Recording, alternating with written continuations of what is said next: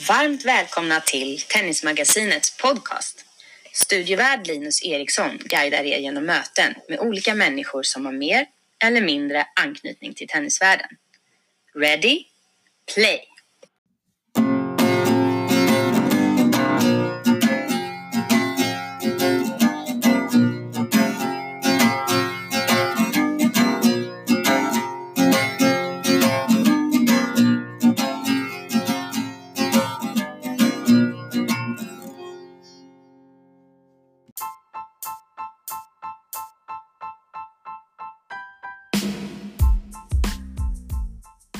Idag hälsar jag er lite extra välkomna till veckans avsnitt. Vid det här laget vet ni säkert vem som är dagens gäst, men det är med en stor ära jag får presentera Magnus Norman.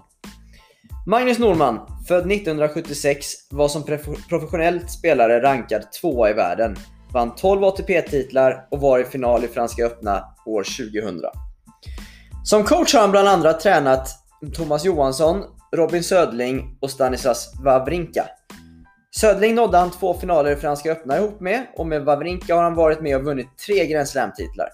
2016 blev Norman utsedd till ATP Coach of the Year. Tillsammans med Niklas Kulti och Mikael Tillström har han grundat tennisakademin Good to Great. I det här superintressanta avsnittet behandlar vi många ämnen, men Magnus berättar bland annat varför det inte är viktigt för Wawrinka att träffen känns skön när träningen avslutas, om man kan skapa samma kämpaglöd hos juniorer idag som man själv hade som spelare. Hur de bästa juniorerna i världen, hur deras upplägg och satsningar ser ut. Resonemanget kring att Wawrinka gett Magnus godkänt att bli varnad för coachning från läktaren. Hur många taktiska punkter de går igenom med Wawrinka inför matcher. Vad som förvånat Magnus med att driva en egen tennisakademi. Plus givetvis mycket, mycket mer. Ett toppenavsnitt som jag är säker på att alla kan lära sig en massa ifrån. Nu kör vi! Ladies and gentlemen, Magnus Norman.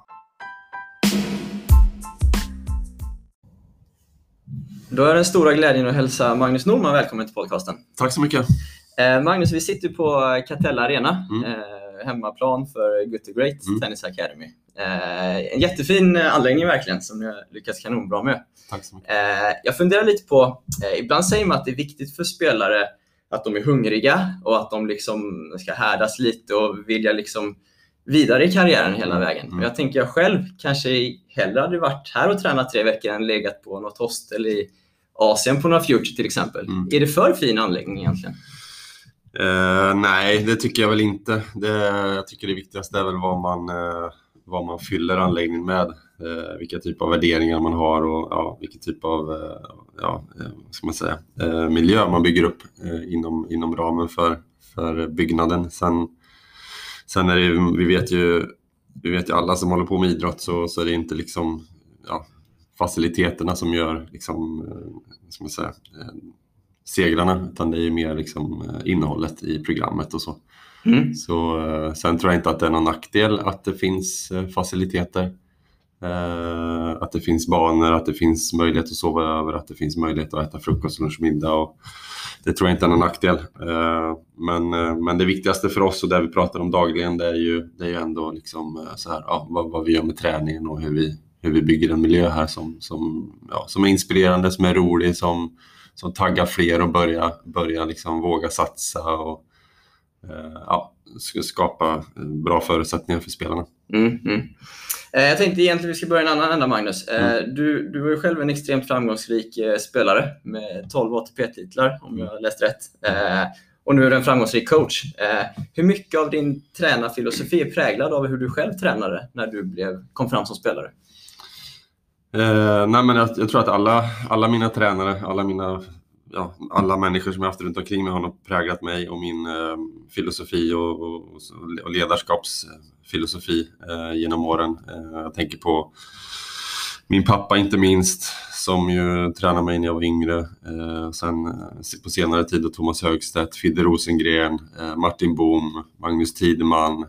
Så jag har haft väldigt, väldigt, väldigt tur och haft väldigt bra tränare runt omkring mig hela tiden. Mm. Som ju såklart har har format mig och min ledars, ledarstil eh, genom åren. Sen har jag nog skapat mig min egen, så här, eh, utifrån alla de namn jag nämnde och så där, och ja, utifrån hur jag själv tänker så har jag kanske skapat min egen filosofi lite grann och sättet hur jag gör det. Men, men, eh, men, och sen har jag haft förmånen såklart att, att, träna extremt duktiga spelare. Så det är därför jag har haft framgång som tränare också. Eh, så att eh, det, det, är nog lite, lite hårt arbete såklart och, och, och lite tur längs vägen. Också. Ja, men de namnen du nämnde som du, du själv haft som ledare, vad, mm. vad kan, kan man sammanfatta deras filosofi på något sätt? Eller skulle du kunna förklara vad stod de för? Ja, inte, inte så mycket hokus pokus. Eh, ganska enkla övningar, enkel eh, metodik. Eh, inte göra det så svårt, utan mycket, mycket hårt arbete och ganska enkel, eh, enkel eh, tränarfilosofi skulle jag vilja säga. Eh, sen så när det kommer till stora matcher och viktiga matcher så är det klart att det handlar väldigt mycket om det mentala också. Eh, så där har väl har jag lyckats en del också som tränare kanske.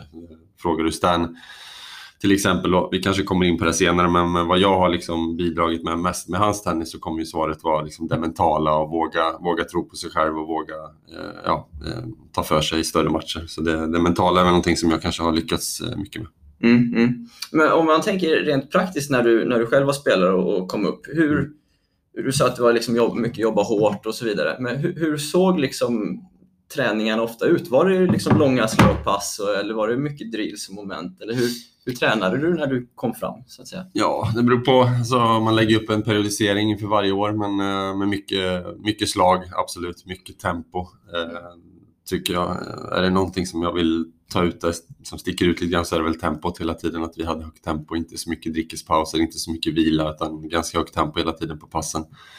Så det var det som skilde oss som blir bra från de som inte varit så bra. Eh, högt tempo hela tiden, mycket slag, eh, inte missa, försöka hålla bollen i spel, röra sig bra, eh, bygga spelet på en bra fysik, en bra defensiv, liksom utveckla sig därifrån. Sen så är det klart att eh, när man kommer närmare match eh, och så, så blir det mer situationer då såklart också. Serve, retur, eh, andra slag efter serve eller andra slag mm. efter retur och så vidare. Och vissa moment som man kände att ah, men det här har jag svårt med i mitt spel. Till exempel när när, när jag hamnade nära baslinjen och motståndaren var nära baslinjen när vi var nära varandra. Det gick fort liksom. Det hade jag lite problem med. Så då, då nötte vi mycket, mycket sådana grejer. Mm. Så alltid, eh, träningen var alltid upplagd tycker jag utifrån vad jag behövde eh, som ja, individ. Och är det det du liksom står för idag också ja. så att säga? Ja, tycker jag.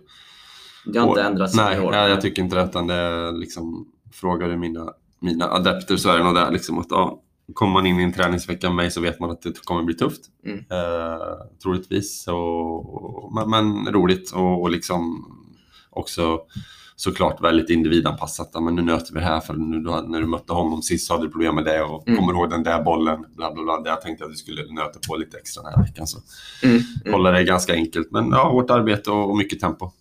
Eh, jag, jag, hörde, jag kommer inte riktigt ihåg från vem, men, men, mm. men i en podcast att det var någon coach som sa att dagens barn eh, lever lite i en värld som är ganska olik hur vi tränar tennis. Att de får, har mycket variation, de har ofta tydliga mållinjer i sina dataspel och så vidare. Mm. Tycker du vi bör anpassa träningen efter den världen ungdomar lever i idag eller borde de få lära sig att det är viktigt att stå och nöta cross i 30 minuter ändå? Så, så att säga. Liksom, så här. Ja, bra. Lite, lite, lite både och kanske. Såklart, jag tror inte det den ena linjen eller andra linjen. Jag tror, eh, jag tror man får mötas lite halvvägs där. Eh, och sättet man kommunicerar med yngre och liksom vilken typ av media du använder först och främst när du kommunicerar och hur du säger saker och ting. Så klart eh, det ska ske väldigt fort. Men jag tror också att det är viktigt för de yngre att lära sig att tennis, tennis är liksom, det krävs mycket tålamod i, i tennis. också under bolldueller. Det kommer ta väldigt många år innan du slår igenom och blir duktig i tennis. Så du måste liksom ha tålamod. Det kommer inte ske över en natt. Liksom. Och är det någonting som de, den yngre generationen gör bra så är det klart att de är, de är så här shotmakers. Men, men eh, problemet med dem är att ofta just det här med tålamodet. Att de inte orkar liksom, fysiskt mot, mot de bästa än så länge. Så mm. eh. Hur jobbar du som coach med att få ungdomarna att förstå här, vikten av det här tålamodet? Prata mycket, tjata mycket, försöka ge exempel. Eh, ja, ut, utmana dem både liksom mentalt, eh, fysiskt eh, och liksom tekniskt också med olika drills och där som man gör. Att, ja, ja. Eh, och sen, vi pratar om det här mycket här när vi har våra möten, att inte, inte göra liksom 20 olika övningar när man har ett pass utan kanske man håller sig till x antal drills som man, som man kör och så kör man dem tills det blir riktigt bra istället. Mm. För ofta är de ju van vid eh, då, de yngre att ja, men, vi kör det här i fem minuter, sen kör vi det här i fem minuter, kör vi det här i fem minuter. Men att man orkar liksom våga ligga kvar lite grann, Ja. våga nöta lite. Just det. Eh, Och det kan ju vara mentalt lite jobbigt för många när de inte klarar av till exempel att ha 10 10 träff eller i rad i en viss zon eller någonting. Liksom. Då kan man stå och nöta på det Mm. ganska länge. Eh, och det är någonting som, som, ja, som vi har pratat om mycket. Och Johan Edsberg har pratat mycket om det här också. Liksom, att, Mm. få övningar men vi gör dem tills de är klara och vi gör dem ordentligt istället. Just det. Och mycket, mycket prat, mycket exempel sådär. Så. Ja, ja. Du, du var ju själv som spelare känd som en eh, riktig kämpe. Mm. Eh, kan du se samma kämpaglöd hos de svenska spelarna generellt idag? Eh, ja, men vi, vi, må- många tycker jag eh, absolut lägger ner mycket tid. Det är klart, alltså, kämpa på matcher gjorde jag alltid, kämpa på träningar, men sen gäller det att ha den långsiktigheten och uthålligheten också och orka göra det dag ut och dag in, 365 dagar om året i, i flera, flera år. Så det, den uthålligheten är klart att många av de lägre rankade spelarna kanske liksom orkar hålla i eh, en liten stund och sen så kanske de åker ut i någon tävling och så väljer de att gå ut istället för att gå och träna hårt. Och, så det är lite, det är lite upp och ner medan eh, man själv och de som blir duktiga var liksom, höll i det där under en längre period. Mm. Eh, men jag tycker att det finns många i svensk tennis som, som, som lägger väldigt mycket tid och lägger mycket energi och har, det har den där långsiktigheten också, seriositeten och sådär. Mm. det, det tycker jag. Är, det, är din uppfattning att det är samma på spelare utomlands också? Att de som är på lägre nivåer, att de har ungefär samma Ja. liksom hinder? Eller vad man Ja, det skulle jag vilja säga. Pratar jag med andra, andra tränare och så från andra länder så, så är det typ samma problem eller vad man Mm. säger med lägre rankade spelare. Mm, mm. Eh, Så jag tycker inte att det är generellt eh, något svenskt fenomen. Sen är det klart att de, de spelarna som kommer från, från eh, ska man säga, forna öststatsländerna, som de har känts genom åren, senaste tio åren, lite hungrigare. Eh, det måste jag säga. Lite mer så här också. Vi har ju några tränare här som har förklarat hur det, hur det är i de länderna. Liksom att det är, eh, tekniskt sett i Sverige så ser det väldigt bra ut, Mm. men att det är väldigt så här, allt är inlindat lite grann i bomull. Medan i, i andra länder då eh, är det lite mer rough. Det, är liksom, det fuskas, det, Mm. är det någon som missar så är det liksom en, en fistpump i ansiktet och föräldrarna bråkar på läktaren. Det är, lite, det är hårdare miljö liksom sådär. Mm, Så mm. det är väl den, eh, den grejen. Jag, vi, vi förespråkar inte det på något sätt, men, men någonstans så där så är det ändå så här när det, när det är matchsituation, då är det, liksom, då är det allvar. Ja, Så ja. då får det inte bli för mesigt heller, att vi svenskar går och gömmer oss för att åh, nu kommer det någon annan och bla bla bla. Utan att vi vågar ta för oss Mm, mm. lite grann så när vi kommer ut. Mm. Vågar stå upp för, för oss. Den, den här liksom kämpaviljan du hade som spelare, eh, var det någon tränare eller annan person som skapade den hos dig? Eller var det medfött, tror du? Eh, nej, det var nog mer för tror jag. Eh, att jag fått ta- mycket ansvar för min egen tennis när jag var yngre. Mina föräldrar såklart, alla värderingar man fick med sig därifrån. Eh, sådär. Men att jag fått kämpa mycket också liksom när jag var yngre. Eh, för att få kommer från lilla Filipstad. Det fanns inte så mycket sparring där så jag fick åka till Karlstad, jag fick åka till Örebro, jag fick hela tiden söka och liksom hitta sparring och jag löste det. Mm. Men det var ju väldigt mycket eget ansvar sådär. Så jag tror att det, det fostrade mig väldigt mycket. Mm. Kan man skapa den hos juniorer idag, tror du? Ja, det tror jag. Mm. Eh, Det tror jag absolut. Det har jag sett också här att kommer in någon junior så kanske lite lat när de är lite yngre, så här 13, 14, men sen när de är så här 15, 16 så börjar de fatta. Eh, Då börjar liksom poletten ramla ner lite grann. Att oj, wow, jag måste... Det är det här liksom, eh, som tränarna menar, att, att det är den här nivån jag måste upp till. Så det har jag sett att det, det går. Och det går att föda någon typ av så här att tycka om hård träning och tycka om att vara seriös och tycka om att liksom göra allt. Det, men men det har, igen, det har att göra med miljön också. Har du några som, som drar åt fel håll, som är starka karaktärer i en grupp av 20 till exempel, så, så är det lätt att det går åt fel håll. Mm. Har du däremot äldre förebilder, starka karaktärer som, som drar åt rätt håll, som, som, som vaknar tidigt, som äter rätt, som sover i tid, som tränar hårt, som joggar ner och allt vad det är, som, som är seriösa. Då kan du få en härlig dynamik i en, i en hel grupp och då kan det hända bra grejer. Men Som en in- kultur? Ja. Ja, som en kultur. Precis. Så det gäller liksom att skapa det där. Eh, ja, miljön. Ja. Eh, du var inne på det här, du, du är själv från, från Filipstad, en relativt liten stad. Eh, du spelade bandy, var med i juniorlandslag. Ja, precis. Ja, precis. Exakt. Eh, och en liten spaning då som jag är lite nyfiken på vad du tror på. Om, att det som håller på att hända idag är att tennisen blir mer och mer urbaniserad. Att den förpassas lite mer till storstäderna. Eh, samtidigt som det sker fler privata satsningar. Eh, det är dyrt att spela tennis, både tävla och, och träna. Eh, min fråga är om du kan reflektera lite över om det finns ett motsatsförhållande i att vi genom kostnaderna inom tennisen idag riskerar att missa spelare som kommer från enklare förhållanden och är av det så kallade rätta virket som man kanske lite slarvigt uttrycker det. Eh, I och med att många av juniorerna vi får in idag kommer från övre medelklassen eller till och med överklassen kanske. Vad tänker du om det? Uh, jo, men uh, alltså, nu har inte jag rest jättemycket runt i tennis Sverige de senaste åren, så jag kanske inte är rätt person att, att svara på det. Men, men uh, det jag hör i alla fall är ju att uh, tennisen är en väldigt populär sport, men väldigt mycket i de större städerna, kanske lite mindre i de mindre städerna. Så där, där finns det ett, vad ska man säga, ett problem att ta tag i. Hur sker rekryteringen till tennisen där i de mm. mindre orterna? För många av oss som varit duktiga från mindre städer. Eh, just det här med tillgängligheten och så vidare. Mm. Så det är klart att alltså när vi, eh, ja, när jag för jätte, jättemånga år sedan började fundera på Good to Great och eh, ja, en, skulle starta en tennisakademi i Sverige så, så var det absolut inte självklart att den skulle vara i Stockholm. Okay. Eh, definitivt inte. Jag kommer ihåg att jag, res, jag var nere i Båstad och gick med något så här frågeformulär. Vart, om det fanns en tennisakademi i Sverige, vart skulle den vara någonstans? Och hur mycket skulle det få kosta? Och vad skulle ni som föräldrar kräva i form av eh, socialt nätverk och trygghet för att ni skulle känna er trygga att skicka er son eller dotter till en akademi i Sverige? Ja. Men eh, sen kom jag ändå fram till att för att, för att det skulle funka ekonomiskt och eh, det är många olika faktorer för att få det, liksom, en sån här anläggning att gå runt. Eh, så kom jag ändå fram till att ja, men det, så här, ja, det här är 15 år sedan. Det skulle ligga norrort, liksom Stockholm, hyfsat nära Arlanda. Vi prickar ju rätt rätt. Vi prickar ju hyfsat ja, det får man verkligen säga ändå. Men, eh, nej, men också så här, ja, jag är också lite tänker på det där ofta också. Alltså hur kan vi få de där talangerna som brinner för, för idrott till att välja tennis? Ja. Och hur kan vi sen ta hand om dem inom tennisen på bästa sätt? Och när du har tänkt på det här, vad har du kommit fram till?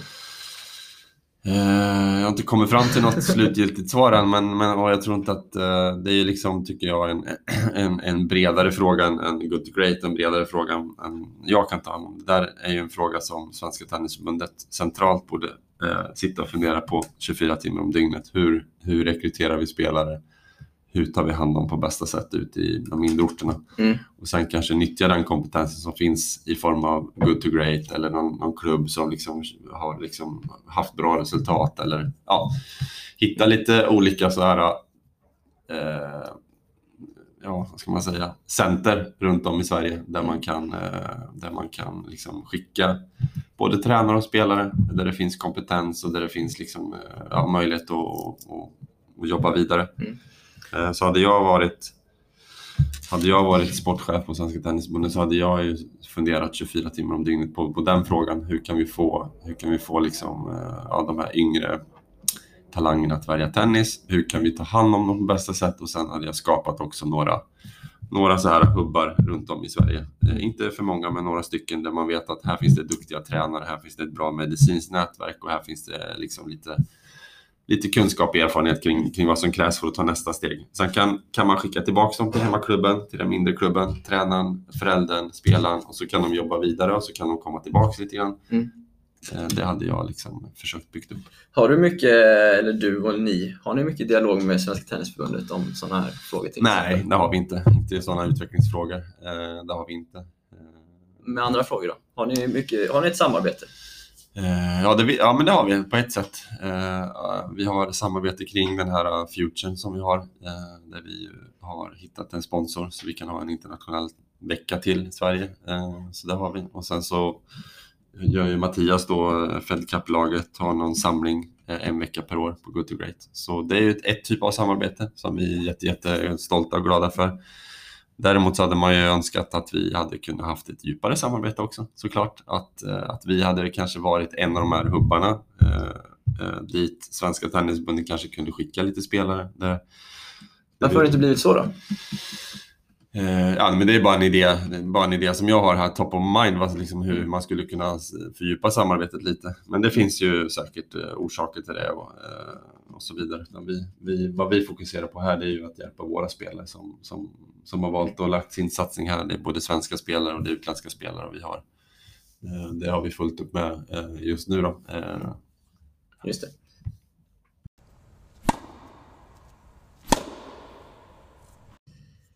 Eh, det har blivit vanligare de senaste åren för att före detta världsspelare som, som du själv eh, blivit coacher på touren. Eh, och vad jag har hört in i alla fall så är det ofta en fördel att coachen själv har varit i de situationerna som, som spelarna försätts i under stora matcher och så vidare. För din egen del har du säkert haft nytta av det med både Robin och Stan till exempel i Franska öppna när de spelar finaler och så vidare. Vad exakt är det man förmedlar för känsla till spelarna? Den här känslan som man pratar om att du har varit med om. Nej, men det är väl alltså, framförallt eh, det mentala, alltså nervositeten innan match och hur det känns att gå in inför ja, 15 000, 20 000 åskådare och det, det är mycket poäng och mycket prispengar på spel. Just den känslan är det väl eh, att jag då har någon typ av så här förståelse för vilk, vad den här spelaren går igenom. Så det är väl, det är väl den, det som många menar. Däremot så är jag så här väldigt mycket, ja det är väl en fördel såklart. Det är väl en fördel att man, man kan stå och slå med spelare men jag, jag, tycker, jag tycker absolut inte att det är en nödvändighet att du, eh, ja, du är en bättre tränare för att du har varit en duktig spelare eller det finns ingen så utan många, många av de bästa tränarna tycker jag är, är sådana som, som kanske har varit duktiga spelare men inte liksom så här topp 10 i världen. Eh, Men som brinner för sitt tränaryrke, som, som orkar ligga ute, du vet, eh, 40 veckor om året och så. Många av toppspelarna, de har redan liksom gjort sin karriär och de, de tycker om att komma in och vara med i tennisen fortfarande, typ 10-15 veckor per år. Men det är ju inte riktigt liksom för mig då, utan då är det mer en mentor som kommer in och liksom ger inspiration eller någonting så. Va? En, en tränare för mig är ju liksom en Fidde Rosengren, en, en Vaida, en, du vet sådana som har legat ute i, i hur många år som helst, över 30 veckor om året. Mm. Och liksom ha det som sitt yrke. Mm. Mm. Det är ju, de, de tränarna har ju mer respekt för mig så, än någon som kommer in och gör 10 veckor bara som ett gig. Liksom. Eh, så- Men det behövs också eller? det, det, ja, det tror jag behövs också. Vissa så här, för inspiration kanske, för liksom nytändning om det är så att man har jobbat länge med spelaren till exempel. Att få in en ny röst i teamet eller eh, nya idéer, nya, nya drills kanske till exempel. Så, så det tror jag definitivt. Och jag och Stan har ju varit, eh, vi har jobbat tillsammans i 8-9 år nu. Eh, så han vet ju vilka övningar jag kör, han, han, han vet säkert vilka ord jag kommer säga i vissa moment och så vidare. Så det, vi har också tagit in så här, Krajicek har vi haft inne något år. Vi, nu har vi inne Danny Valverdo. Mm. Vi har haft inne eh, eh, Paul Anacone. Så vi har också tagit in så här, ja, men en ny röst som kanske ja, får mig att se saker på lite annat sätt. Eller en ny röst för Stan. Eh, Mm. så här, ja, men tänk på det här i, i spelet. Eller du som bäst tycker jag utifrån när du spelar på det här sättet. Och varför har, tänker du inte så här i turen? Eller Mm. ja, små grejer. Så jag tror att det kan vara bra. Mm. Har du då sen när den här, vad man ska säga, den här eh, tränaren som kommer in 10 veckor, när Mm. den inte är med längre, Mm. fortsätter du lite på den inslagna vägen? Ja, men det har jag gjort. Det har jag gjort. Eh, För annars tycker inte jag det finns någon idé liksom, att ta in det. Utan det vissa grejer har vi ju sagt med Stan att ja, men, ja, det där kanske inte funkar riktigt bra, men, men det här funkar bra och då har vi fortsatt med det. Och Mm. Vissa grejer som, som den här, ja, de här individerna har sagt har kanske inte lönat sig på, på kort sikt, men har gjort det på lång sikt. Eh, där vi har känt att ja, men, det var ju precis det där som han sa. Mm. Eh, så, så att jobba vidare på det. Så det tror jag är jätteviktigt att man, man tar in någon sådär, att man fortsätter jobba med det. Mm. Eh, Du, du, du, ja, på första frågan jag hade där med Mm. att du har varit en spelare själv och så vidare, så sa att du tror inte det är nödvändigt att man har varit en stjärnspelare själv. Men, men tror du att en tränare som inte har coachat, eller som inte har spelat en Grand Slam-final Mm. kan coacha lika bra inför till exempel en Grand Slam-final? Ja, det tror jag. Eller ja, det, det, det är jag 100% säker på. Eh, Det handlar om, eh, om andra saker. Det, det enda som du inte kan det är liksom att sätta in i, i den, liksom, okay, hur kändes det när jag gick ut och hur, liksom, vad hade jag för känslor? Och man kan liksom dra lite paralleller. Det kan du inte göra, men du kan ju fortfarande liksom på något sätt förstå nervositeten och förstå vad spelaren går igenom. Eh, så det handlar om kommunikation, det handlar om så här, förmåga att läsa liksom, eh, ja, ansiktsuttryck och, och, känslor och energier och liksom försöka hitta rätt ord vid, vid rätt tillfälle. Så det, jag tror absolut att det, eller jag vet att det går att coacha. Eh, Eh. Men spelarna värderar ju uppenbarligen det ganska högt, just den här eh, erfarenheten som, som ja. ni coacher har. Ja, ja men eh, så är det definitivt. Men, men igen, det finns många, många som inte har varit liksom jätte, jättebra i tennis som, ja. som, som fortfarande har tennis tränaryrket som sitt yrke som mm. reser runt och är attraktiva och liksom så. så för mig är de, de coacherna de som har mest respekt. Mm. Eh, den här eh, ja, spelar och tränarerfarenheten du har då från, från världstennisen. Mm. Eh, hur gör du för att förmedla de erfarenheterna till spelarna på en lägre nivå här på akademin till exempel? För, för jag tänker att det är ju ganska långt ifrån till mm. exempel när, nu bara tar jag någon, mm. Carl Friberg förbereder mm. sig för en Future i Sharm Sheikh mm. eller när Stan spelar Grand Slam. Ja, både ja och nej. Det är fortfarande liksom, tennisbanan är fortfarande lika stor och Eh, jag skulle tro att eh, spelarna, eller jag vet att spelarna går igenom samma liksom, känslor inför match och så vidare. Eh, så att, bara att det är på en lite högre nivå. Men, men annars är det nog samma, liksom, samma ja, samma problem, samma svårigheter som spelarna har. Däremot så är inte jag inne på akademin och coachar jättemycket alla våra spelare så på banan eh, hela tiden. Alla spelare på akademin har ju någon ansvarig tränare. Så det är liksom min min roll är väl att liksom jobba lite med tränarna och jobba lite med alla hela tiden och försöka skapa den här miljön då kanske. Mm. Eh, så. Sen är inte jag in och coachar Karl Friberg och så eh, varje dag, det är jag inte. Okay. Utan, eh, ja, det är mer att jobba med tränarna, jobba med hela hela våra program. Liksom. Gör vi rätt saker när det kommer till fys? Gör vi rätt saker när det kommer till medicin? Ja, hela det här 365 graders hjulet då. Alltså, ja. så skolan, hur funkar det med det? Ja, all, allt, allt som, som ja, försäkringar, om det blir skador, eh, ja, allt sånt. Så, så jobbar mycket med programmet. Sen jag försöker jag vara på banan varje dag också, men det är inte så att jag är inne och coachar liksom, så här, one on one hela tiden. Nej. Utifrån liksom, vad du har varit med om och sett, eh, vad skulle du säga är skillnaden mellan spelare som tar steget till topp 100 och de som fastnar på till exempel Future eller ja, lägre challenge-nivå? Ja det, det, ja, det är ändå stor skillnad. Här. Det är, det är, alla de som når topp 100 är lite bättre på allt. Eh, här, lite bättre tempo i träningarna, lite, lite mer seriösa vid sidan av banan. Eh, har lite lättare för att lära sig. Eh, har ofta något vapen som kanske mindre rankade spelare kanske inte har. ja, så det är, en, det är en kombination av allt. Liksom. kommer, kommer lite snabbare till bollen, slår lite hårdare, kommer tillbaks till banan lite snabbare, har, rör sig bättre i djupled, har ofta ett, ett vapen. Seriösa under lång tid, liksom, inte bara eh, två veckor i rad utan hela året och flera, flera år i rad. Det är det som krävs, att orka ha trots att du förlorar liksom, i Sharm el då, om vi tar det som exempel, att orka liksom, jobba, orka jobba hårt och orka ta tag i fysen i några dagar om det är så, eller liksom orka göra det. Okej, okay. det låter som allting Så det, det, är ju det är en kombination av lite grann, li, de är lite bättre på allt. Ja, ja. Men du har ju varit inne, du har sagt det några gånger, där, den här långs, att mm. arbetar under en längre period. Ja. Att, liksom att orka hänga i då, eh, det är en ganska stor del. Ja, det, förstår jag det som. Ja, men mentalt och fysiskt och ekonomiskt och liksom, eh, är det ju så här, långsiktighet mm, så, mm. som gäller. För du slår igenom mycket senare nu för tiden också. Så att, Ja. Har, har, du någon koll på hur de bästa, eller några av de bästa juniorernas satsningar ser ut eh, internationellt idag? Om man vill, kan dra en parallell till svenska juniorer. Eh, har, är du insatt i liksom hur ja, de lite, bästa juniorerna jobbar? Lite är ju det såklart. Eh, så eh, ja, det är antingen via förbund som finansierar. Ofta är det, alltså, de har en egen tränare på en eller två max eh, spelare på en tränare. Eh, ofta har de någon, någon, typ av bas i sin träning, men, men att det ändå är väldigt individuellt. Liksom så att du har din, din tränare.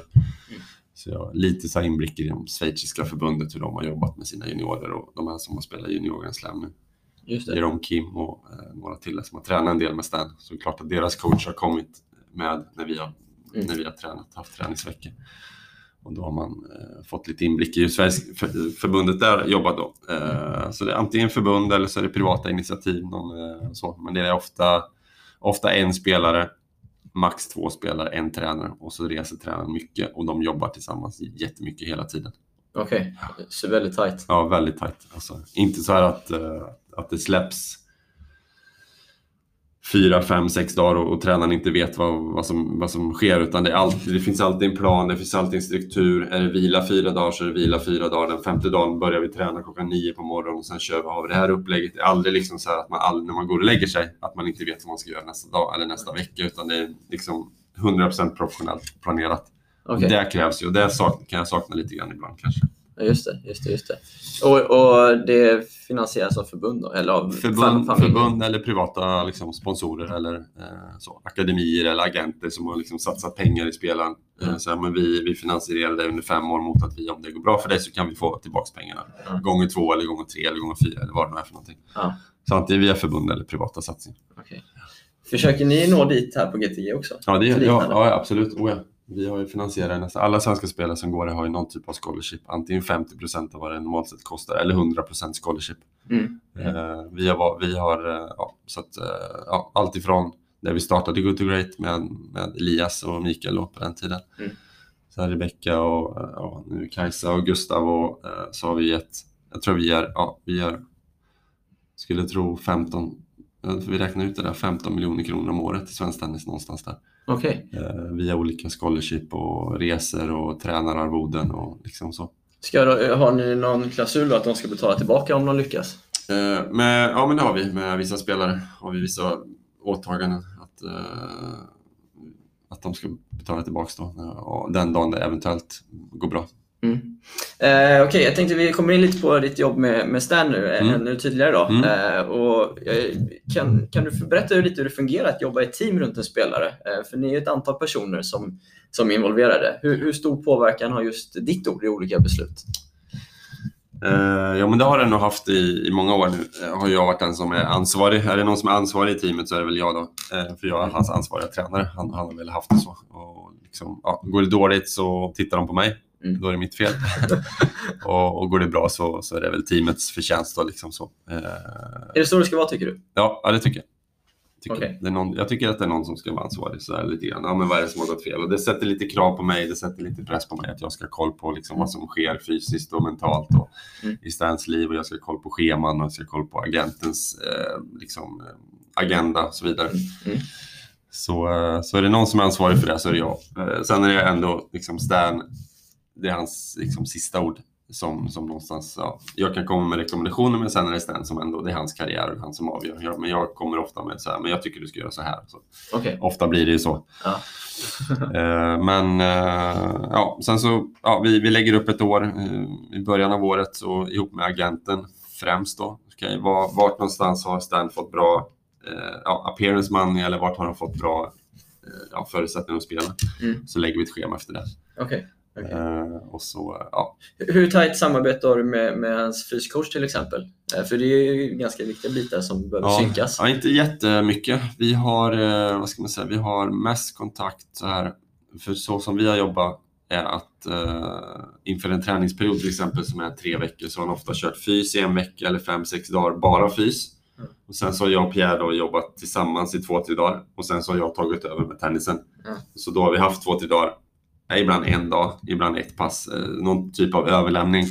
Och har vi inte fått till den där överlämningen så har vi alltid hört på telefon. Ja, men jag, vi har gjort det här, jag tycker Stan ser ut så här, han kanske borde göra så här, eller ni kan tänka på det här på tennisträningen. Ja, ja. Och jag har liksom kommit med input till honom att jag tycker att han ser så här ut, eller han, han, ja, han, han rör sig sämre nu, eller han ser tyngre ut, eller bla bla bla. Så. Okay. Så den typen av kommunikation har vi haft. Sen har vi inte jobbat tillsammans eh, liksom så, eh, på daglig basis jätteofta och vi hörs inte. Vi hörs när, det, när, när, när vi känner att vi har något att, att kommunicera, annars hörs vi inte. Okay, okay, jag, har mer, jag har mer kontakt nästan på daglig basis med hans agent då, kring saker runt omkring som, som ja, nu måste han göra saker för, för sponsorer eller ja, så. Ja, ja, ja. Eller ja, vilken tid anländer ni? Kan du boka träning? Ja, du vet så. Så mycket, mycket med hans agent har det varit genom åren. Okej, okej. Eh, du, du, sa tidigare att ni, för ett år sedan ungefär, så tog ni in eh, Valverde i teamet mm. också. Mm. Eh, lite han har ju ett rätt otroligt CV sett till sin ålder. Ja. vad har du lärt dig av honom och vad har han bidragit med rent specifikt till, till teamet? Nej, men det är väl att han har coachat mot Stan några gånger. Så att han, han han vet ju hur, man ska slå Stan. Han, så. Och sen så är det en bra han är, han är alltid på bra humör, han är liksom, kommer med energi till teamet efter 8-9 år. Han är liksom en bra kompis med Stan, han, han är duktig på, på det tekniska också tycker jag. Så han har bidragit med många saker. Ehm, sen är det väl också så att jag känner att jag har en, en liksom, period i mitt liv där jag kanske inte vill att resa så jätte, jättemycket. Jag har gjort det med Robin under, under 3-4 år så var det liksom så här, jobba ja, 300 dagar om året med honom. Och sen så vart det med Stan då, fick jag tvillingar och så vart det med Stan. Så vart det också så här mycket, mycket mer än vad jag hade, hade tänkt mig från början. Men, men man vill ju ha resultat. Men nu, nu är det väl liksom så här, ja. Eh, jag orkar inte och jag vill inte vara ute så extremt mycket som jag varit genom åren. Så kände jag att vi måste ta in någon, någon till så att det blir liksom kvalitet det här vi gör. Mm. För ska jag vara med x antal veckor då måste någon annan som, som, jag, som jag kan jobba med som jobbar. Så, så då, då vart det Danny. Okej. Okay. Eh, jag tänkte fråga lite om eh, olika rutiner ni har, mm. eh, rent praktiskt. Mm. som till exempel när, inför en match. Hur, hur gör ni när ni lägger upp en, en matchplan till exempel? Mm. Hur många punkter ger ni Stan att tänka på och så vidare? Kan du berätta lite om det? Uh, ja, det är olika. Från, men just med Stan då, så, så gillar han att få väldigt enkla saker. Det är, det är väldigt mycket upp till honom, uh, tycker jag, hur matchbilden utvecklas och så vidare. Så försöka få honom i, i, liksom i rätt mindset på något sätt. Inte ge för mycket olika taktiska grejer. För då blir han, det kan inte han hantera Nej. i sin hjärna riktigt. Utan han, han vill ha det så enkelt som möjligt. Bara några få taktiska grejer. Tänk på det här under spelet eller tänk på det här i tur eller serve eller vad det är för någonting. Men vad kan det vara? Typ eh, slå på backen? Eller, vad, eller hur nej, simpelt nej, är det? Liksom? Nej, inte så simpelt. Men det kan vara... Ja, men ofta går man tillbaka till, till föregående matcher de kanske har spelat eller så har man liksom scoutat eh, matcherna innan. Så att, ja, kommer du ihåg när du mötte Novak i eh, franska mästerskapen och han hade breakboll, eh, eller du hade breakboll liksom i första set. Han, helt plötsligt så spelar han på det här sättet. Ja. Så om det händer igen, du kommer i den situationen, så var förberedd för att jag, liksom min magkänsla säger att han kommer spela på det här sättet, så var förberedd på det. Okay. Eh, Men skriver ni ner det här då eller sitter ni bara runt nej, middagen och, och bara pratar. snackar? Liksom, nej, inte, ja, innan, inte, inte dagen innan. Vi, vi brukar köra liksom innan matchen. Okay. För han vill inte ha det dagen innan det blir liksom för lång sträcka för honom utan han vill ha det liksom ganska Då sätter sig alla ner en stund liksom och snackar? Ja, han och jag sätter sig eller så är Danny med också. Eh, okay. Och så pratar vi igenom de grejerna. Små, små grejer. Och, och, alltså, tänk på det här i ditt spel för att få det handlar om att få upp Stans högsta nivå. Ja. Så tänk på de här grejerna i spelet och, liksom så. och sen några taktiska grejer. Mm. Det här hände när ni mötte sist. Ja, tänk på att hålla en... Ja, han passerar, kommer du fram på hans fåren så kommer han passera rakt till exempel okay. i vissa ja. lägen. Så, så, väldigt specifikt så då. Mm. Hur mycket scoutar du andra spelare då i förväg? Kollar du på Youtube inför match eller har du ja, kollat händer... matcher när lottningen har kommit? Liksom, ja, ja nej, men det händer att kolla Youtube ja, såklart. Eller så sätter man sig live och kollar fysiskt på, på banan också, så här, matchen innan. Mm. Om man ska möta vinnarna av de här så, så brukar man gå ut och kolla några game i alla fall, så man har lite koll på. Okej. Okay. Men du har liksom ingen, läst någon, du har ingen bok där du skriver ner om alla spelare? Ja, jag har, jo, det har jag. Jag har på elektroniskt. Okay. Jag använder Evernote. Ah. Som, där har jag liksom ett kartotek om alla spelare med lite olika grejer. Okej. Okay, okay. eh, och under match, när, när matchen pågår, mm. eh, om du är på plats då, mm. utgår ifrån, hur, mm. hur tänker du kring liksom hur du agerar på läktaren då, till exempel? Eh, har ni kommit överens innan om hur du ska ja, vara? Ja, han är väldigt mycket så här att eh, och speciellt om man är nervös så säger han ofta till mig att, att prata mycket och vara liksom så här, mm. våga sig. Det är okej okay. okay om jag, nu får man ju prata lite mer då, men det, han har ofta sagt att det är okej okay om, jag, om jag får en varning. Jag tar det. Okay. Jag vill att du ska vara liksom så här. Om ah. du ser något så säg det högt. Ah. Eller var på mig liksom. Så det är han väldigt sådär. Eh, och inte, inte hålla för generellt utan prata då specifikt vad han ska göra. För han kan bli väldigt blockerad mentalt om det är så att han är nervös och så vidare. Ah. Så då kan jag, ibland så, vissa matcher när jag suttit väldigt nära så har det varit så här att han har kollat på mig typ eh, efter varje boll. Så här, vad ska jag göra? Vad ska jag göra nu? Vad ska jag göra nu? Mm. Och så har man liksom, ja, men gå bak nu eller gå fram nu eller Okej. Okay. Eh, men coachar du efter varje boll då? Ja, det, det har varit någon, någon gång så här att eh, när han har varit väldigt nervös i större matcher. Man har suttit liksom precis vid banan då man har kunnat haft den kommunikationen. Okay. Så har han frågat mig, var ska jag stå? Var ska jag stå? Var ska jag serva? Var ska jag göra?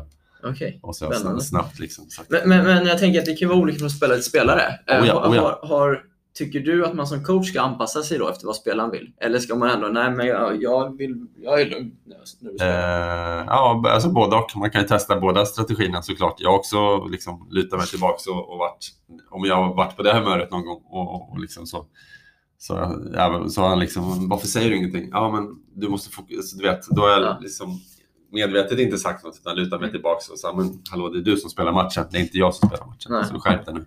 Ja. Eh, och ibland så är jag mer så aktiv. Eh, så att, ja, man får nog testa och känna av lite. Eh, och, alltså mitt humör också. Ibland kanske jag är på ett humör där jag känner att jag måste vara aktiv. Ibland så är jag på ett humör där jag känner att nej, men vänta, han beter sig illa, jag skiter i det här nu. Jag sätter mig bara här och så får han liksom upp till dig nu och bekämpa. Okay. Jag kommer inte liksom vinna den här matchen åt dig, utan nu får du liksom så. så det, okay. det, är också lite grann hur mitt humör är och vad jag tror att ja. Okay. jag kan också tända, snedtända om det är så att jag har sagt vissa grejer inför matchen och så gör han precis tvärt emot, och, eller han beter sig dåligt. Då kan jag bara, ah, men vänta. Om du ska bete dig sådär, då kommer då, då Men säger du det under matchen? Nej, eller nej, liksom märker, visar du med kroppsspråk? Ja, men det märker han ju såklart. Det märker han såklart. Okay. Ja. Okay. Och eh, liksom eh, efter matchen då? Har du liksom fört eh, notes under matchen vad som har skett eller ser du på matchen igen i efterhand eller hur gör ni för att analysera matchen? Liksom? Jag har haft svårt att föra anteckningar under matchen. För då, okay. då tappar jag den här ögonkontakten lite grann med, med honom om det är så att jag sitter och skriver i liksom mellan bollen och så vidare. Så ja. det har haft, svår, haft svårt att, att, att, att göra det. Ja. Därmed inte sagt att det, att det är rätt eller fel. Alltså för vissa passar det att skriva och notera. För mig har det inte funkat och jag försöker notera lite grann på kvällen när jag kommer hem istället kanske. Mm. Okay. Och så är det vissa, ibland så har det varit att jag visat vissa moment, vissa bollar så för träning nästa dag. Så, eller att jag skrivit upp, för man kommer ofta ihåg, liksom, kommer ihåg den där bollen, bla bla, kom, nu kom fram där och vad, vad du gjorde där bra. Eller, eller så visar man så här på paddan, kommer ihåg, alltså kolla den här bollen, det är det här jag menat med träningen och bla bla. Mm. Mm. Ibland har vi också an, använt oss av så här, eh, några killar som håller på med videoanalys också. Just det. Innan eller efter. Så då har jag fått lite grejer, så, här, så här så statistiken ut och så kan du dra ut några bollar när han missar sin får en lång line eller vad det är för någonting. Mm. Mm. Och så kunna visa det dagen efter. Okej, okay. okay.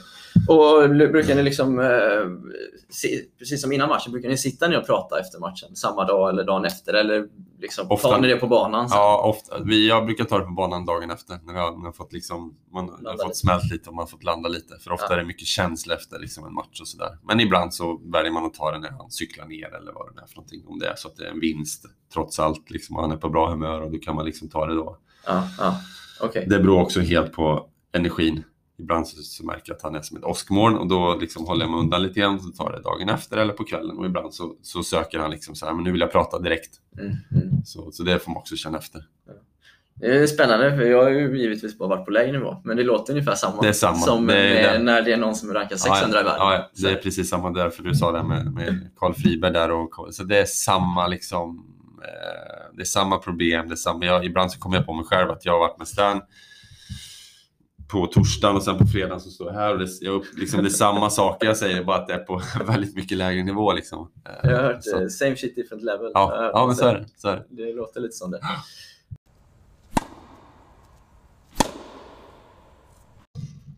Du var inne där Magnus på att eh, ni har tagit hjälp av med statistiken. Mm. Eh, tidigare i alla fall. Jag vet inte om ni gör det fortfarande med Mike James? Ja, ja men precis. Av och till har vi gjort det. Eh, ibland kollar lite på så här större trender då. Eh, mm. Så här, men hur spelas det innan hans skada, efter skadan? Eh, vad har han gjort bra i bra matcher då? För att se om man hittar några trender.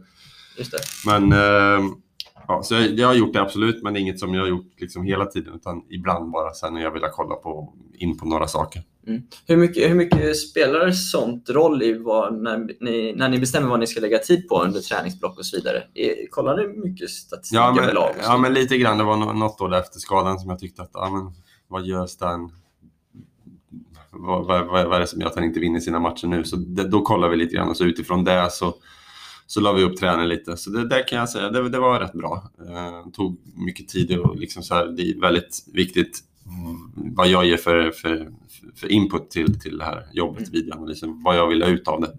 Just det. Där la vi rätt mycket tid på det eh, såklart. Men, men det var bra. Sen så inte så jättemycket så här inför matcher och så. Eh, jag vet att det är många som gör så här pre-match analyze, post-match analyze. Men jag, nej, jag har inte gjort det så mycket. Eller vi, vi har inte gjort det så mycket. Stan tycker också att det blir lite så komplicerat och lite svårt. Utan han vill gärna ha mina ord istället. Okej. Eller Dannys ord. Eh, Rent generellt så Mm. har det ju varit en, ganska mycket snack ändå om att bolldöders längd och så vidare, Ja. att det är till fyra slag och Ja.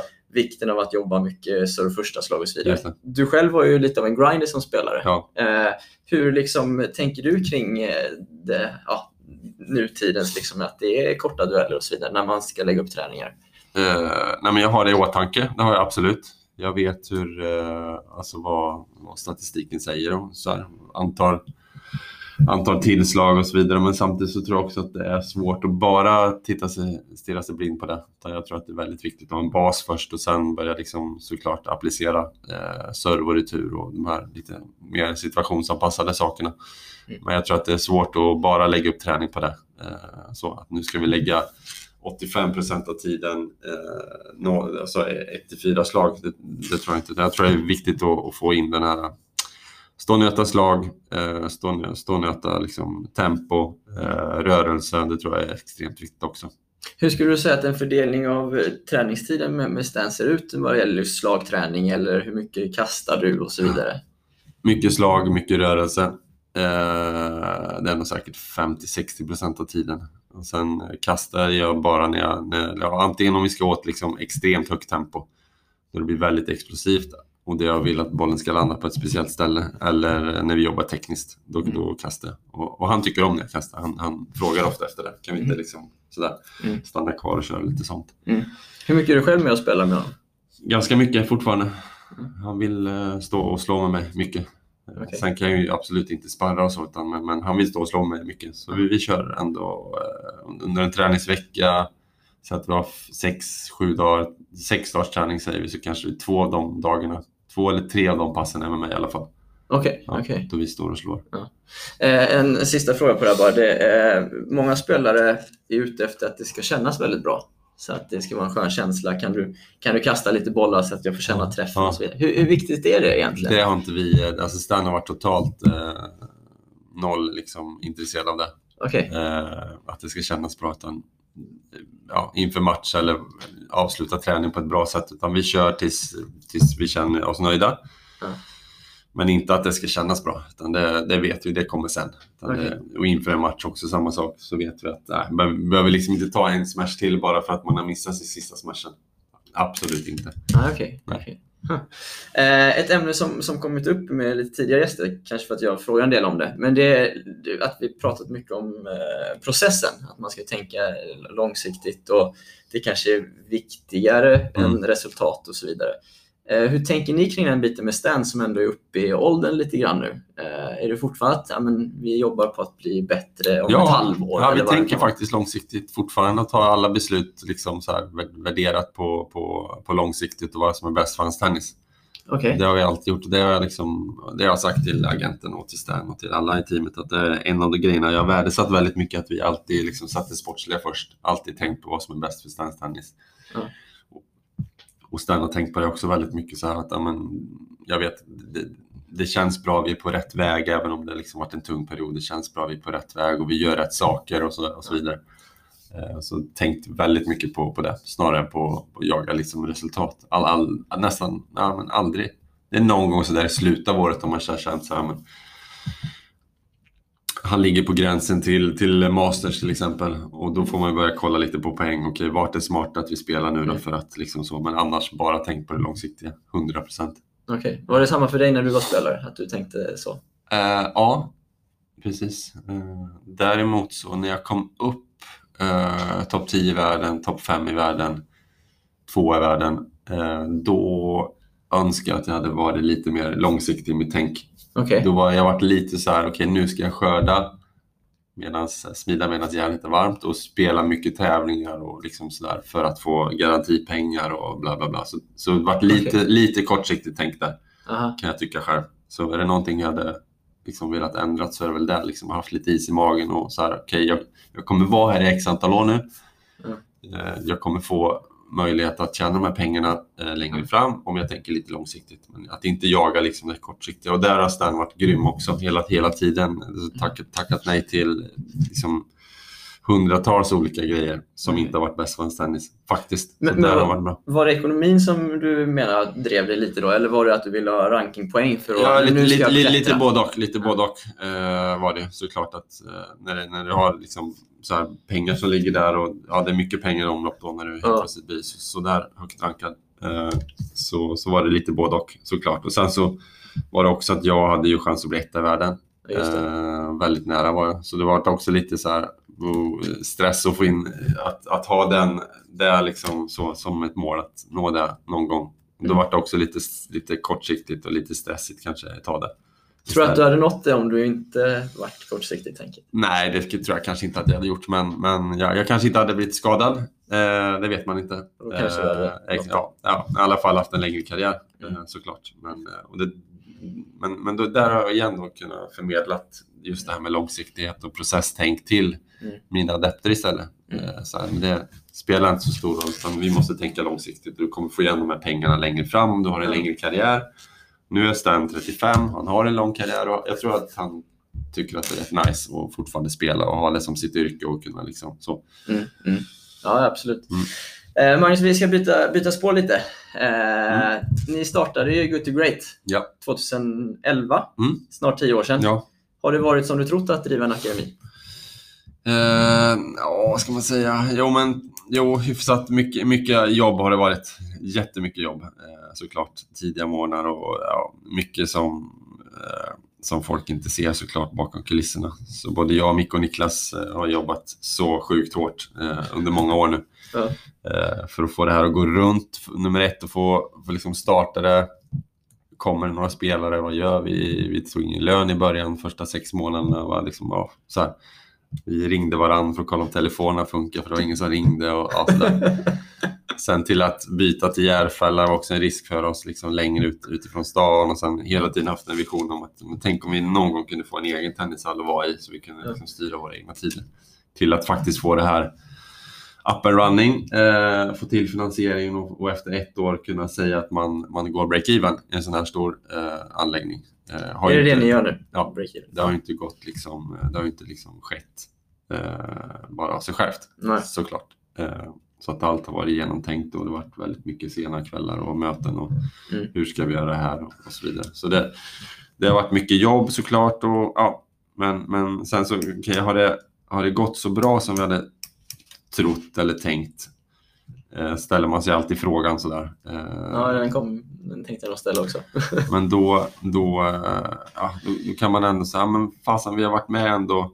När vi började så såg det liksom väldigt, väldigt svart ut. Vi har ändå varit med även om vi inte, vi vill absolut inte ta åt oss äran eh, på något sätt. Men vi har varit med och stöttat Micke.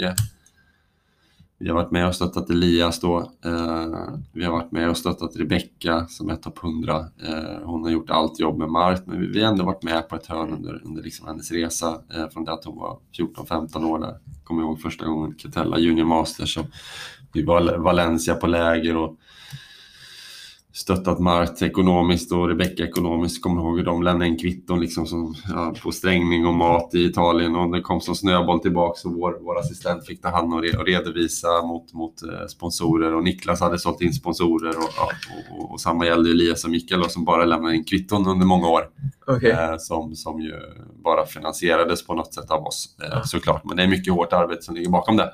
Mm. Eh, tack vare Bactiguard och Catella så har ju det varit möjligt. möjligt då. Och nu har vi ändå, tycker jag, så här, ja, men Gustav Ström som ju har kommit fram genom Näsby Parks Tennisklubb eh, som vi också stöttat senaste åren och ja, fick eh, Martin och Jens då fick göra resan och att han fick spela Junior Grand Slam.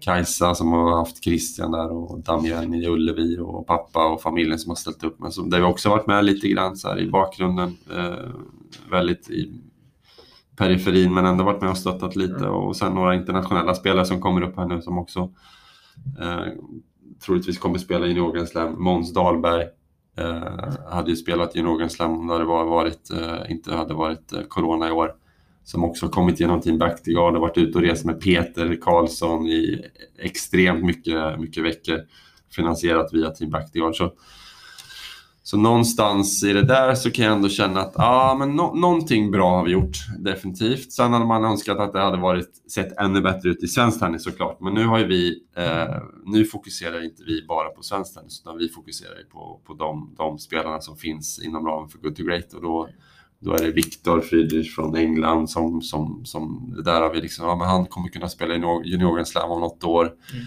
Vi har en kille från Schweiz som är duktig, Niklas Kobelt som, som också har gjort framsteg som vi tror lite grann på. Så, så vi, vi hjälper ju lika mycket internationella spelare idag som, som svenska spelare eh, såklart. Eh, du nämnde ett gäng spelare här, till mm. exempel eh, ja, men våra bästa spelare Rebecka, mm. Elias, Mikael. Mm. Är det surt att de inte är här fortfarande?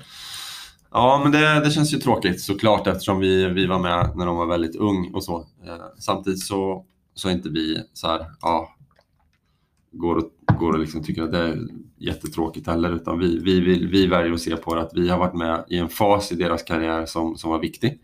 Och de, de var väldigt mycket hos oss när de, när de ja, under, under några viktiga år där och vi, vi, gjorde, vi gjorde nog, tror jag, ett, ett ganska bra jobb.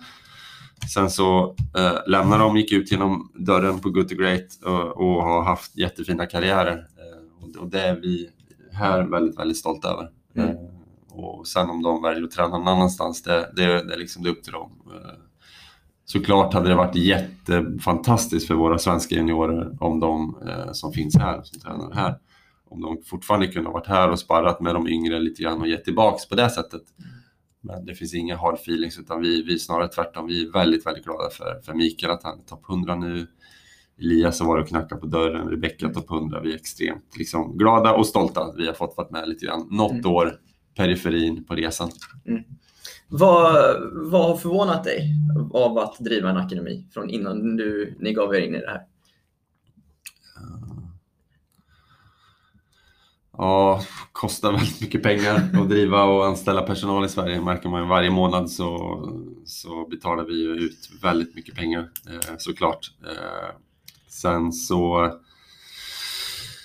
eh, ja, vad förvånat mig mer? Eh, eh,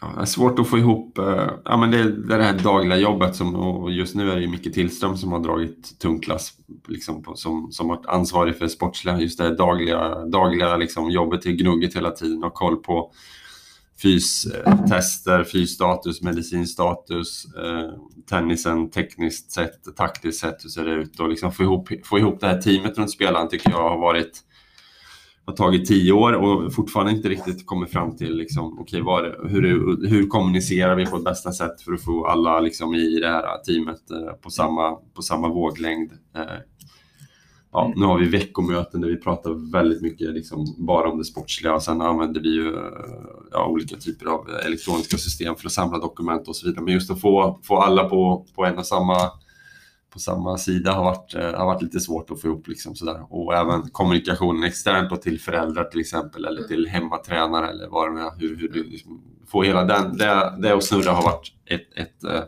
och är fortfarande ett så här, ja, vi har inte kommit fram till det, det ultimata och det, det, kanske vi aldrig gör, men vi jobbar väldigt mycket på det. Hur, hur, ska vi, hur ska vi dokumentera, hur ska vi kommunicera för att alla ska vara på samma, på samma sida? Och, om man tror, eh, var lite nyfiken, när, när ni har rekryterat eh, tränare hit mm. till exempel, mm. nya, nya tränare och så mm. vidare.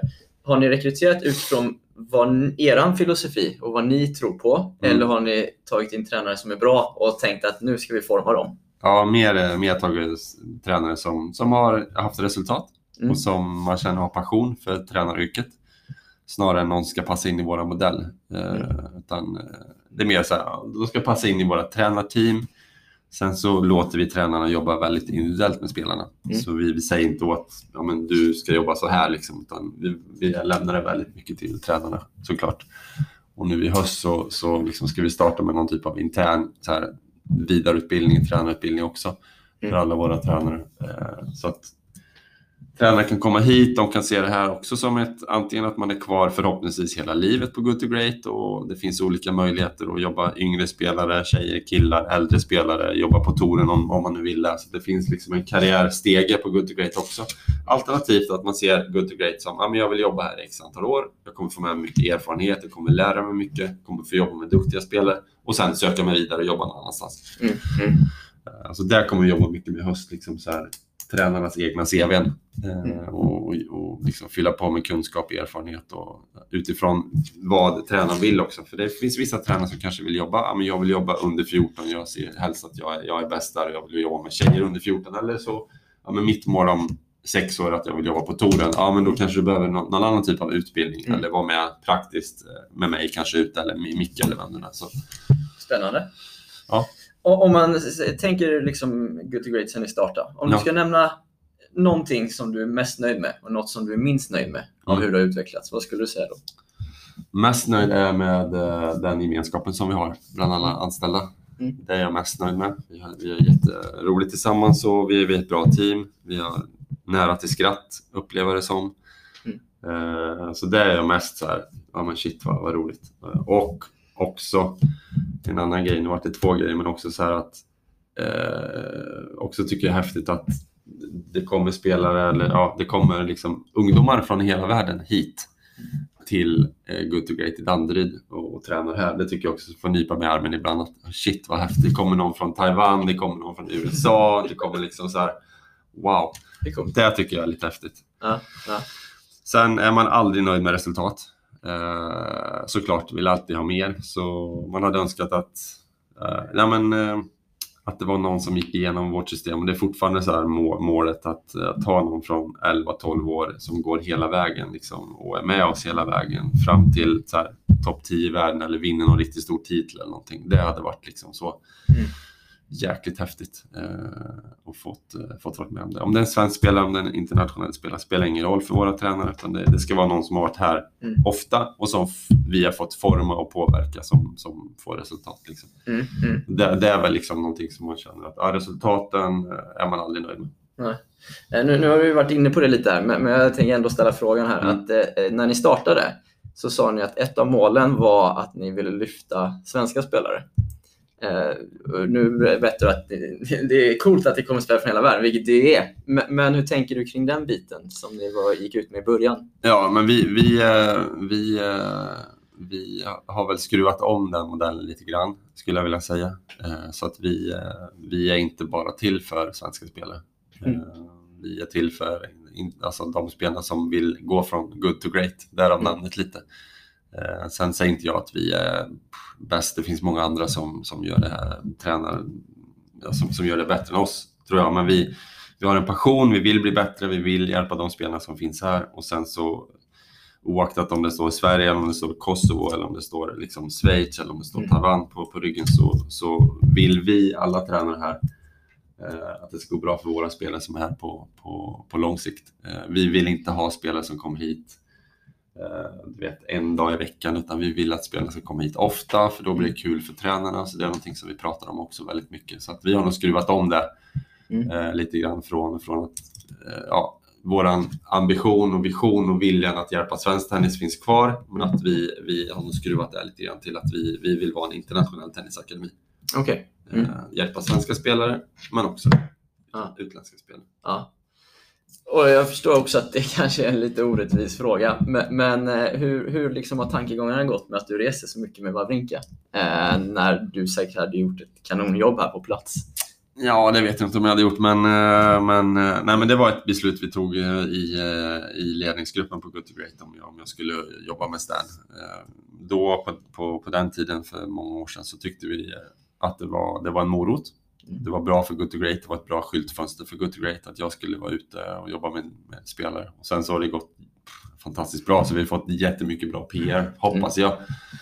Eh, ja, mycket tack vare att det gått bra för Stan och Stan har investerat i fastigheten här och han har varit här och liksom så. Så han är väldigt pro good to great. Eh, så, så, så har det varit. Sen så, sen så är det klart att eh, ja, mm, ja, det går inte att vara på två ställen samtidigt så det är klart att jag har rest med Stan så jag har inte kunnat vara här. Men, men jag, vi har försökt tänka på det positivt att när jag har rest med Stan har sett mycket internationell tennis, tagit med mig mycket influenser ut, utomlands ifrån och fått intervjua vissa personer så här när jag varit som jag kunnat visa tränarna hemma eller filma lite olika sekvenser när jag varit ute. Så vi har försökt att se på det på det här sättet istället. Att jag har tagit med mig mycket grejer hem till Good to Great eh, på mina resor. Mm.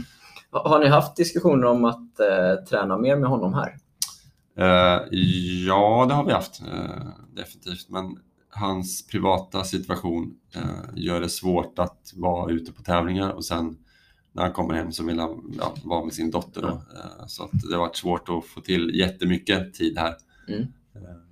Men däremot så har vi haft mycket, mycket av spelarna har varit nere och tränat med mig, med Stan i Schweiz. Och Micke har varit där nere, Ymer på den tiden han var 16-17 år. Elias har varit där vid ett tillfälle. Mackan Eriksson har varit där nere och kört och liksom inte bara Great-spelare. Jonathan Merida har varit där och kört. Och, Ja, så vi har ja. fått mycket, mycket svenskar som har varit där i Genève och kört med honom. Okej, ja, jag är med.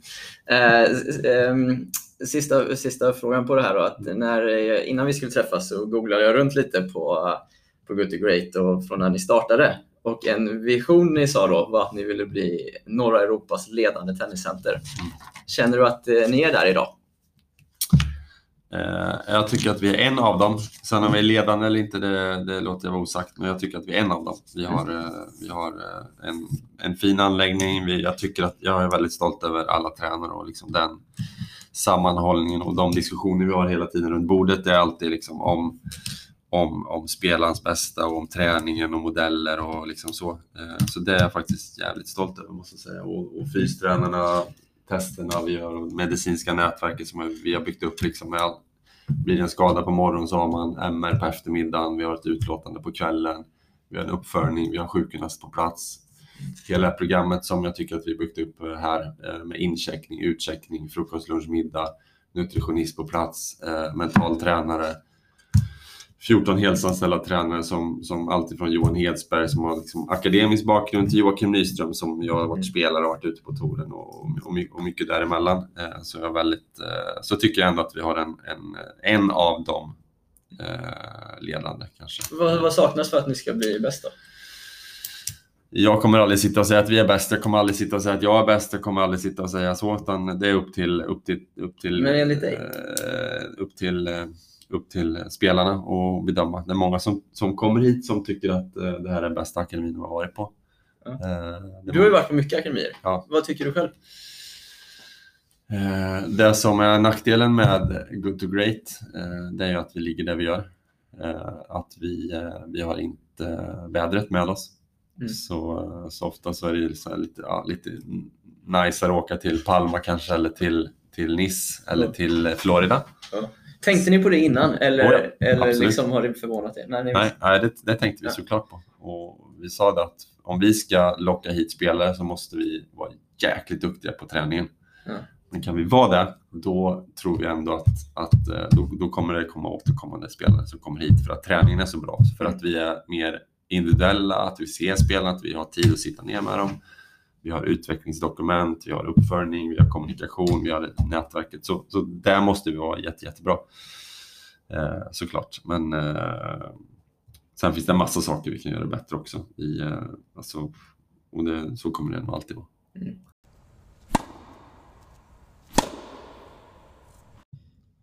Vi har varit inne på det lite, lite tidigare Magnus, men eh, har du och i så fall hur har du förändrat ditt ledarskap sedan du började coacha till där du är idag? Eh, ja, när jag började coacha trodde jag nog att jag visste allt. Eh, nu vet jag att jag vet långt ifrån allt och ju mer jag vet så vet jag att jag, jag kan väldigt lite. Så, så jag är nog väldigt mycket, mycket mer ödmjuk nu inför olika situationer och tänker efter och liksom sådär. Eh, så.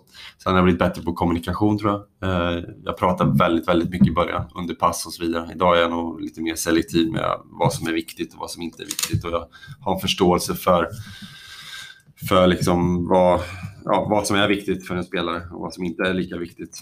Eh, sen så har jag blivit bättre på periodisering tror jag. Våga, våga ta, lägga in viloperioder och våga liksom trycka på hårdare ibland. Och liksom så, det har jag blivit bättre på. Eh, lärt mig väldigt mycket av Pierre Paganini i Schweiz där och hur man lägger upp ett, eh, ja, ett träningsblock till exempel.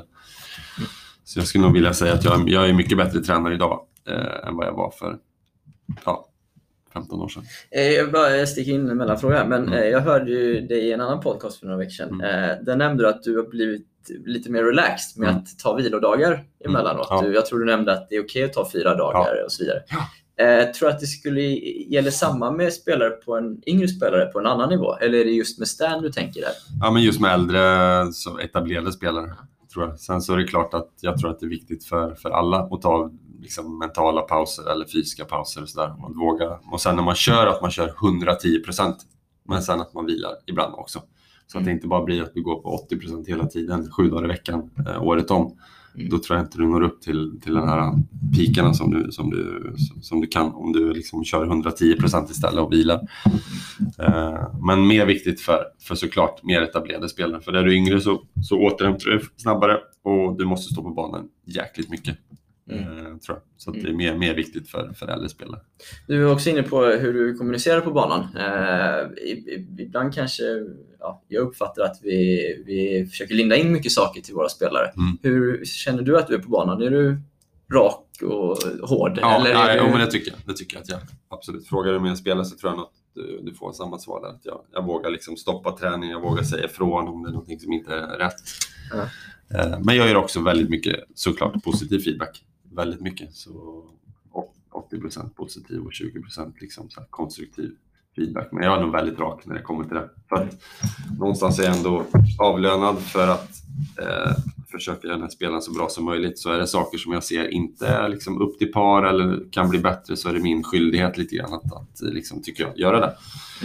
Eh, och det har, det har alltid varit min filosofi att, att göra det. Och jag har aldrig varit rädd för att förlora jobbet Mm. på grund av att jag säger liksom, känsliga saker och så vidare. Eh, Jag tror att du formar där av, med, du, hade själv Fidde Rosengren och Högstedt och så vidare coacher som också är ganska raka. Ja. Att liksom det var så du kom fram också. Att, Ja, men ja, dels det och sen även mina föräldrar har ju varit där också. Så här, eh, såklart, man är formad hur man är som person att, eh, att, att vara det. Jag, jag har aldrig liksom jobbat för, för pengar eller jobbat... Jag jobbar som tränare för att jag vill att mina spelare ska bli så bra som möjligt i tennis. Mm. Och, och om jag säger saker ibland som, ja, så, så skulle det kunna innebära att, om men vänta nu, det här, säger det här så kommer jag kunna förlora jobbet. Men jag har ändå gjort det. Mm. För att eh, det har inte varit viktigt för mig. Det viktigaste är att spelaren blir så bra som möjligt i tennis. Och då kan det ibland, eh, då måste man vara, kunna säga känsliga saker ibland. Men det är också en grej som vi sa, alltså första gången vi träffades så sa Stan till mig att jag Fasen Magnus, jag vill, att, eh, jag vill bli så bra som möjligt. Jag vill ge dig en chans. Jag vill att du ska vara 100% ärlig hela tiden. Oavsett om det gäller saker på banan, utanför banan och om det är saker som du tror ah, är känsliga saker, så säg det till mig. För att jag, jag, jag tar det. Så det har alltid varit under 8-9 år. Så, så har- har det varit grejer som varit känsliga så har jag ändå sagt det till honom. Nu tycker inte jag att du, till exempel att du uppträder, om du vill bli topp 10 i tennis i världen så, så tycker inte jag att du gör tillräckligt mycket eh, bra saker för det. Du är uppe för sent eller du äter för dåligt eller vad det nu är för någonting. Mm. Eh, så då har jag gjort det. men, men, men kan han ta det då? För det är en sak att Mm. säga att jag vill att Ja. du är ärlig och sen Ja. att verkligen kunna liksom, ta det. 100 procent. Han har tagit det. Han har lyssnat, han har inte sagt emot. Eh, utan han har, han har liksom, jag hör vad du säger. Mm. Och så, någon gång kanske han har ställt en motfråga, men ofta och, så har han liksom slickat i sig det. Mm. Och så har man sett en förändring. Okej. Och så någon, det det är det skönaste. Det var en, en specifik grej. Jag tänker inte gå in på vad det var, men jag sa det några månader innan han vann franska mästerskapen. Och sen efter franska mästerskapen, så på kvällen, så, sa, så, så tog han upp det där må- som, som jag hade sagt några månader innan. Så det är ju häftigt då. Det är stort. Ja, ja verkligen. verkligen. Coolt. Eh, kan vara vad som helst här nu, men Mm. vad är det senaste du ändrade uppfattning om? Eh,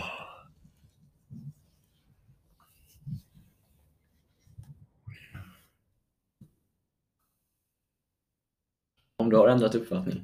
Ja, det har jag gjort, ja, jag har gjort massa gånger, men jag kommer inte ihåg exakt, eh, exakt vad jag är inom tennis, min tennistränaryrke just nu. Då, men eh, Eller någonting som eh, under åren som du säger, men här, är, här har jag ändrat mig lite grann. mm.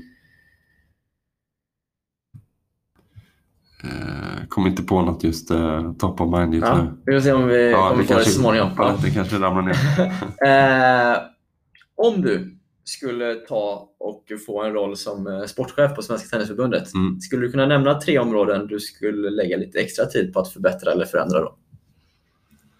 Eh, ja, men vi har varit inne på en grej, det är det här med eh, liksom de mindre klubbarna lite grann, mindre städerna. Att, att få, hur rekryterar man rätt eh, ja, talangerna till tennis och hur får vi dem att stanna i tennisen och hur kan vi, hur kan vi få dem att, blomstra? För vi har haft lite talanger i svensk tennis också innan vi startade Good to Great som, som kanske inte har nått, eh, som, har, som skulle kunna bli, blivit bra, som inte har nått hela vägen. Så att någonstans så kan man också inte säga att ah, men vi har inte fått rätt talanger till tennisen, utan vi har också varit, tror jag, lite för dåliga att ta hand om dem.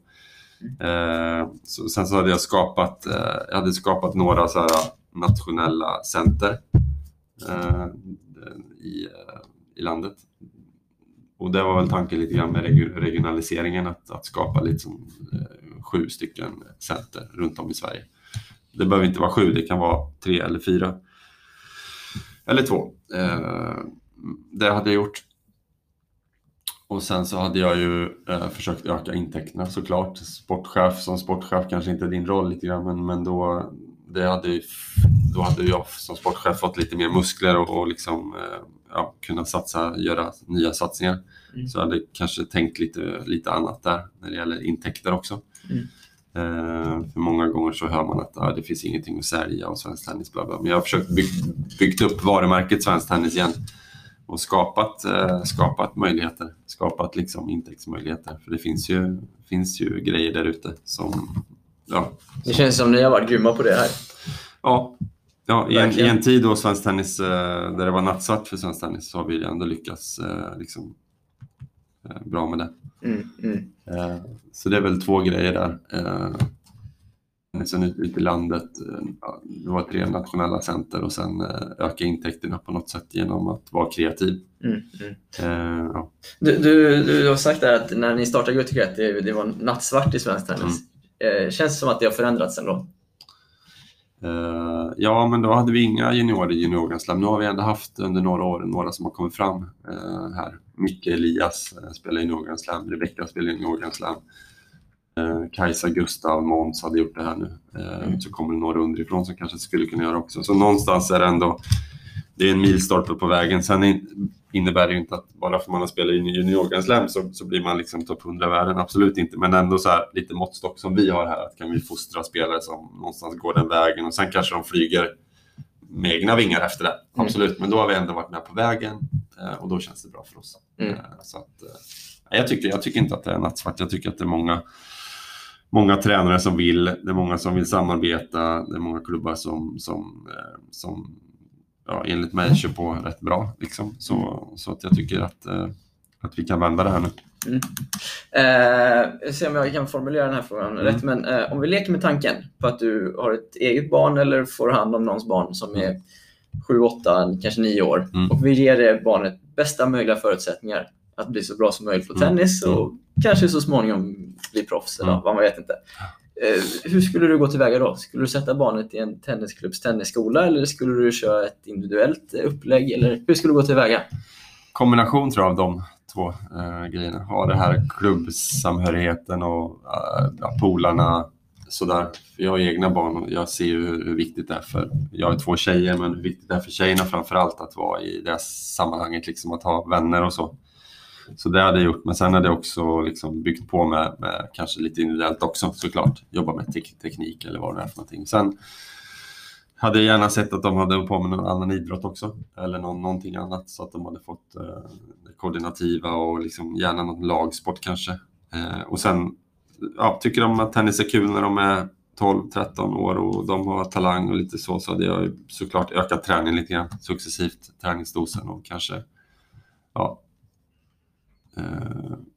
börjat kört lite morgonpass kanske successivt innan skolan eller sådär. Man kunde få ledigt från skolan lite grann om, om man nu tycker det är kul med tennis och satsa på det. Mm. Och sen hitta, hitta någon miljö som man kan ha som bas i sin träning, till exempel Good to Great eller någon klubb där man känner att det finns, eh, ja men här ser vi att det har ploppat upp duktiga spelare som har kommit ut ur dörren här. Eh, här. Här har det hänt någonting. Mm. Så hade jag sökt den typen av bas liksom. Tror du det går att ha en bas i en eh, klubbmiljö då? Med gruppträningar och så vidare? Mm, in, jag tror, en, en bas kan du ha, men jag tror att det är svårt och du måste ha något komplement också. Det, av det lilla jag ser så Mm. tror jag inte att det bara går att, att nu, nu generaliserar jag. Det finns klubbar där du, kan, där du jobbar individuellt också med, med tränarna såklart. Så att, eh, nu är det väldigt generellt så. Men det, det lilla jag har sett så, så, så krävs det kanske något komplement också. För det är många på banan och inte så mycket tid med det tekniska. Sitta ner och prata lite grann efter pass eller före pass och liksom skapa någon typ av så här, ja, dit är vi på väg och det här är planen dit och nu ska vi jobba på det här sättet. Och liksom så ha lite tid med det. Så, så jag har svårt, men igen, väldigt generellt, men många klubbar har säkert tid med det och jobbar säkert så. Så jag vill inte trampa någon på foten. Men, men det, av det lilla jag sett så hade det klubbträning, ja, men någon typ av komplement till det. Om så många klubbar jobbar så kanske vi skulle få fram fler bättre Ja, spelare. ja men kanske. jag. Ja, ja, men exakt. Eh, sista frågan då. Mm. Eh, Det är lite en personlig fråga. Ja. Men eh, du, man, man kan säga att du, eh, du lever min dröm. Att, ja. eh, att en dag coacha en spelare i en Grand Slam. Du vet inte hur mitt liv har sett ut de senaste månaderna. Okej, Men, men, men eh, arbetsmässigt så, så är det så. Eh, jag kommer ju aldrig kunna nå dit genom att eh, vara en bra spelare till exempel. Men eh, liksom en, en coach som vill komma ut på touren och, och, och ta sig långt den vägen.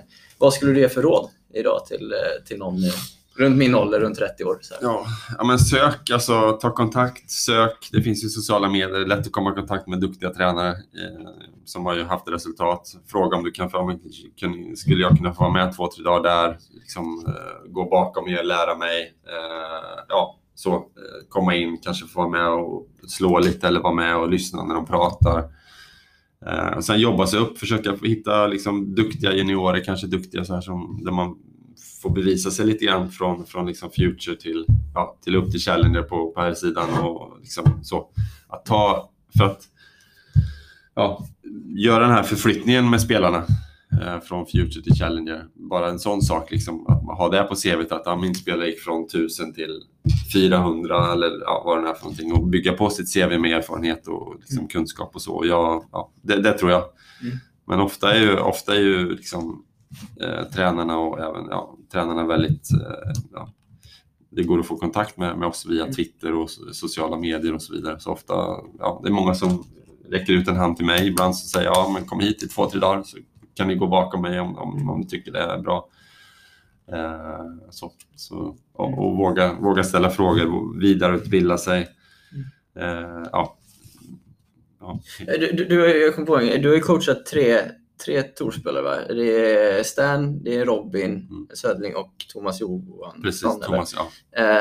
Eh, har det Sen det bara blivit... kort, kort med, eh, med, eh, med Grigor Dimitrov, men det var bara någon Okej. vecka och så Arina Sabalenka. Som, men Det jo- jobbade ändå några månader.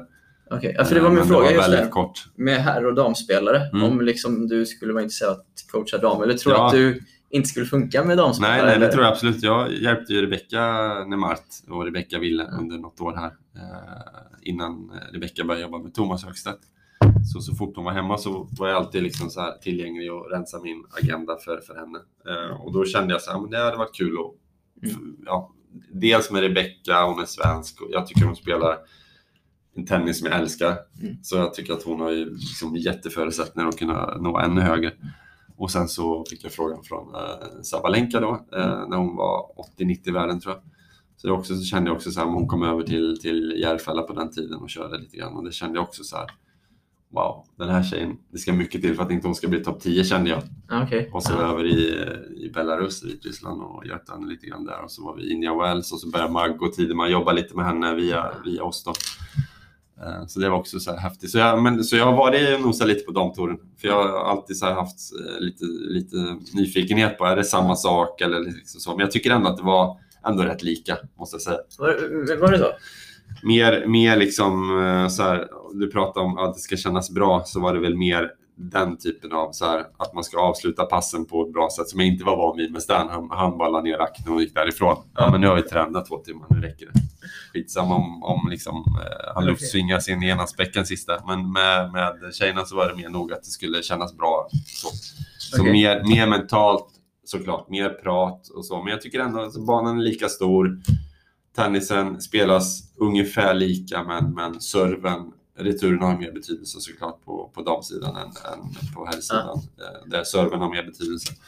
Så, men annars ganska lika. Ändrar du något i hur ni tränade då? I och med att du säger att returen kanske är viktigare? Eller, ja. Ja, men inte på grund av att de var tjejer. Det var mer så här, Arina körde vi ju, hon slår ju stenhårt på allt. Hela tiden, nonstop. Alltså från första boll, bara blås, fullt blås. Så där var det en annan typ av träning såklart. Eh, mer lära henne tålamod. Att, men det är okej att bollen går tre eller fyra gånger. Det innebär inte att du har förlorat den. För du är fysiskt ganska stark, kan springa och du slår hårt, även om du tycker att du står och... Medan Rebecca är mer så här, hon är mer en grinder. Mm. Mycket toppspin och så där, där är såklart att träningen var upplagd lite annorlunda. Sen. Hon behöver ju mer kortare grejer. För hon är duktig när bollen kommer i spel, enligt mig. Ja. Hon vinner många bolldueller när bollen går många gånger över nät. Men just det här snabba spelet kanske hon har lite mer problem. Rent pedagogiskt då, med, med de här ja, två tjejer du tränat Ja. och killar. Mm. Jag kände att det var, man fick anpassa hur du kommunicerade på något Alltså, jag sätt. tycker inte det. Jag tycker faktiskt inte det. Eh, sen är jag ganska lugn av mig också som person sådär. Eh, även när jag är på banan. Så, så det kanske har, spelar roll också. Men jag tycker inte att jag har förändrat så mycket hur jag kommunicerar. Nej. Okej Magnus, eh, varit superintressant. Ja, detsamma. Tack så mycket för att du tog dig tid. Såklart, jättebra. Tack.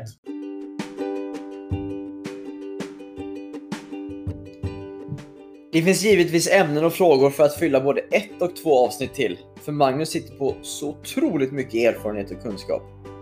Det är nästan orättvist att välja ut någon enstaka grej att prata extra om i det här eftersnacket.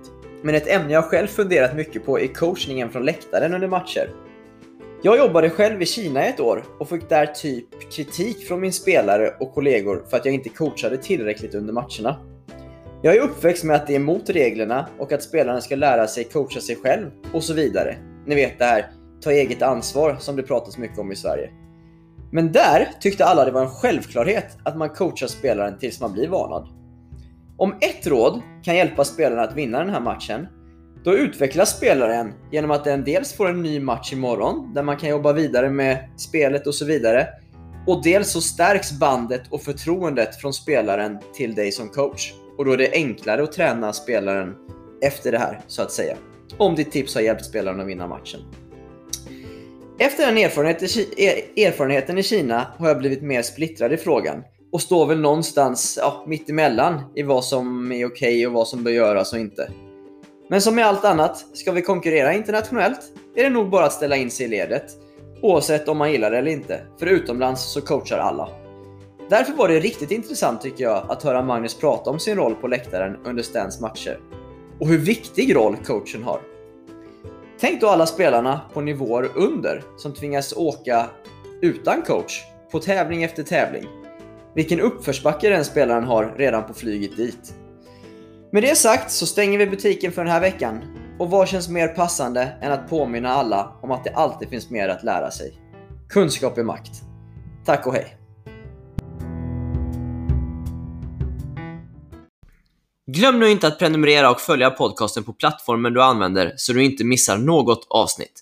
Svenska Tennismagasinet är landets ledande magasin om tennis och belyser såväl internationell som svensk tennis på alla nivåer. Tidningen utkommer med sex utgåvor per år. Vill ni veta mer? Surfa in på www.tennismagasinet.se. Vill ni komma i kontakt med mig? Maila mig på linus.eriksson tennismagasinet.se. Det är alltid kul med feedback. Vi hörs i nästa avsnitt.